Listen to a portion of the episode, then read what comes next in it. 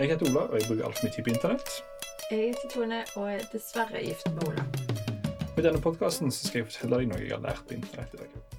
Og I dag skal jeg fortelle deg om Seattle, Ja. en by vi har vært i. ja. Eh, og da vi var der, skulle jeg gjerne visst det jeg har lært i dag. OK.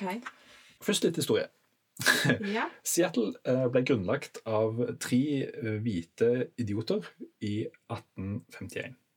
Jeg sier idioter fordi der de grunnla Seattle, er trolig det dummeste stedet på planeten å grunnlegge en by. ok. Fordi de valgte et sted som er en halvøy, som et par ganger i året blir ramma av flom som gjør han om til en øy. Ja. Veldig mye værproblemer der. ja. Eh, Det blir jo kalt Rainy City og alt det der. Windy City, eller Windy City, kanskje Chicago. Rainy Det City. er Chicago, ja. Ja. ja.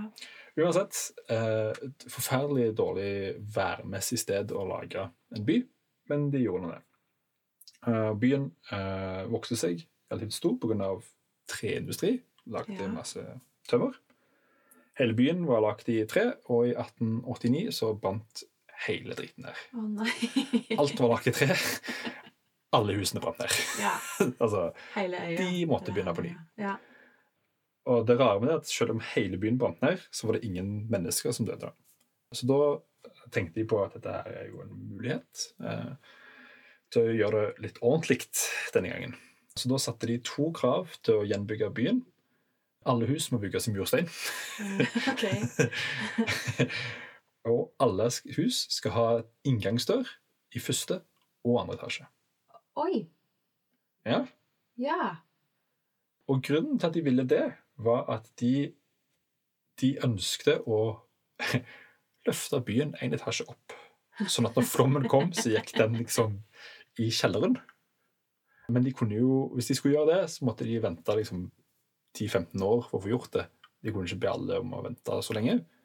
De sa OK, bygg husene dine på ny, men du må ha inngangsparti i to etasjer. Eh, Wow. og så begynte de sakte, men sikkert å løfte veien opp til andre etasje. Gjorde vi det? Eh,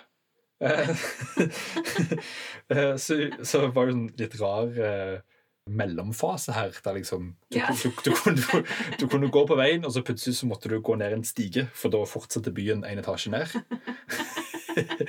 eh, Veldig gøy. så det ble litt, eh, litt pussig, da. Men etter hvert så fikk de tatt hele byen, da. Eh, som gjør at den dag i dag Den gangen var jo byen veldig mye mindre enn den er i dag, da. Så Pioneer Square, som det heter i dag, er der en etasje unna bakken. Å ja, dette kjenner jeg jeg skulle ha visst. Ja. Jeg skulle jo gått Det går an å gå ned der, da. Og der er der veier, og der er inngangspartier. Fine, flotte, forseggjorte Nei, nei, inngangspartier til nei. alle husene, og en vei. Det er jo ingen sol der nede, for det er jo, det er jo tetta igjen av den nye bakken. De Ja, bare hvordan flytter bakken opp gærne litt, kanskje. Er det trapper ned da, som er åpne? Ja, Eller inni alle klær. husene så er det jo trapper ned til det som sånn. Ja, nå de er har jo kjelleren. den sant? etasjen. Ja. Mm. Det var første etasje, men nå er det blitt kjeller under bakken. Hvordan kommer du ned på utsida, da? Eh, ja, det gjør du ikke. Oi. Du må inn i et Og hus. du må inn i et hus, ja. Nå, da. Ja. Før så kunne du jo Oi! Men eh, der er det jo da de har sett De løfta hele byen opp en etasje. Oi, sprøtt. Og bygde veier og alt opp, da. Og den dag i dag kan du som sagt da gå ned i kjelleren under Seattle og se en, en by En by. under jord. Men Det er ganske absurd å tenke på alle de, alt som må til for at det faktisk skal fungere. Ja, ja. Å løfte veier, veinett og rød og De blå. hadde biler når de gjorde dette. her. Ja. Så altså, veien måtte jo tåle vekten av en bil. Wow. Ja. Og Eh, det er sprøtt. logistikk uten like. Ja.